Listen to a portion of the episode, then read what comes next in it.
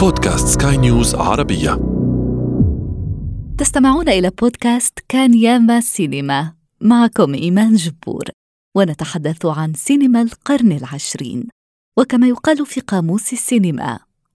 أكشن كان ياما سينما.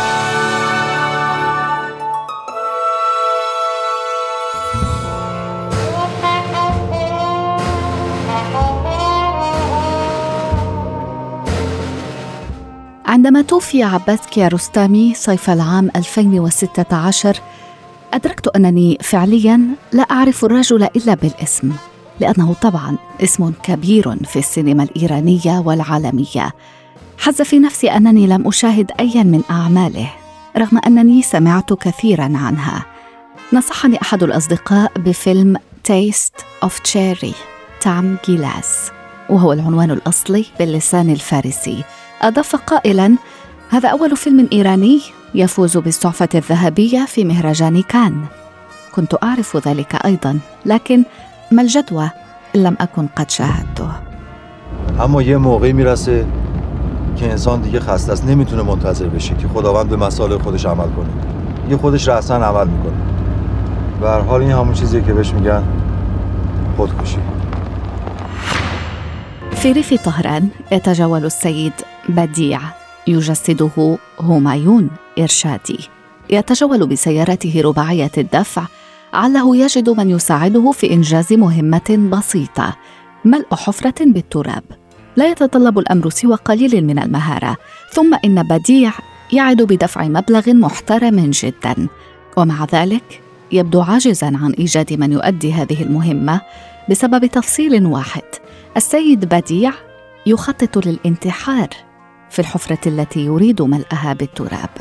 كياروستامي الذي كتب الشريط وأخرجه وأنتجه في عام 1997 جرد الشخصية الرئيسية من كل خلفية درامية. لا نعرف أي شيء عن السيد بديع باستثناء حقيقة أنه رجل وحيد ويريد فقط أن يموت. ينخرط بديع في نقاشات مع ثلاثة غرباء في محاولة لإقناعهم بدفنه. الحوارات عميقة وتحمل كثيرا من الشاعرية، وكل حوار يتمخض عنه رد فعل خاص يدفع معه المشاهد إلى التفكير في مفاهيم الحياة والموت والصداقة والإيمان والمسؤولية الاجتماعية. تو عوض کن فکر تو دنیا عوض کن خوش ببین همه تو اول زندگیته تازه به دوران میرسه. با یه سختی شما خودکشی بکنی. تعاقبت في الشريط الإطارات المقربة الطويلة واللقطات البانورامية الواسعة وليس من الغريب في شيء أن ينتقل المخرج بين مختلف زوايا الكاميرا وأنماط التصوير. لكن ما هو غير اعتيادي هنا هو أن الجزء الأكبر من المشاهد يحدث داخل سيارة بديع وأن الكاميرا مثبتة بشكل دائم تقريبا على بروفايل السيد بديع ضمن مدى ضيق وهذا العنصر يخلق حالة من الحصر النفسي حيث يراقب المشاهد العالم وهو يتحرك حول بديع عبر نافذة سيارته. زاوية الكاميرا المغلقة تطلبت أيضا من إرشادي أن ينقل مجموعة من المشاعر المعقدة عبر جانب وجهه المرئي للكاميرا. قد تكون وتيرة الفيلم بطيئة كما أنه يتطلب من المشاهد أن ينأى بنفسه عن أي صور نمطية عن صناعة السينما خاصة فيما يتعلق بنهاياته الجدلية. لتشاهد مذاق الكرز يجب أن تكون في مزاج استيعاب فيلم فلسفي ثاقب يعرض وجهه نظره الخاصة عن الحياة ويمثل استعارة كبيرة للحالة الإنسانية.